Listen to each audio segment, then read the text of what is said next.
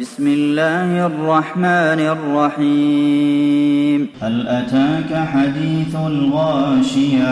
وجوه يومئذ خاشعة عاملة ناصبة تصلى نارا حامية تسقى من عين آنية.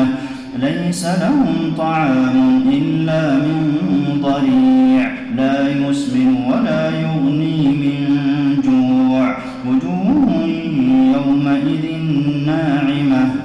لسعيها راضية في جنة عالية لا تسمع فيها لاغية. فيها عين جارية فيها سرر مرفوعة وأكواب موضوعة ونمارق مصفوفة وزرابي مبثوثة. أفلا الإبل كيف خلقت وإلى السماء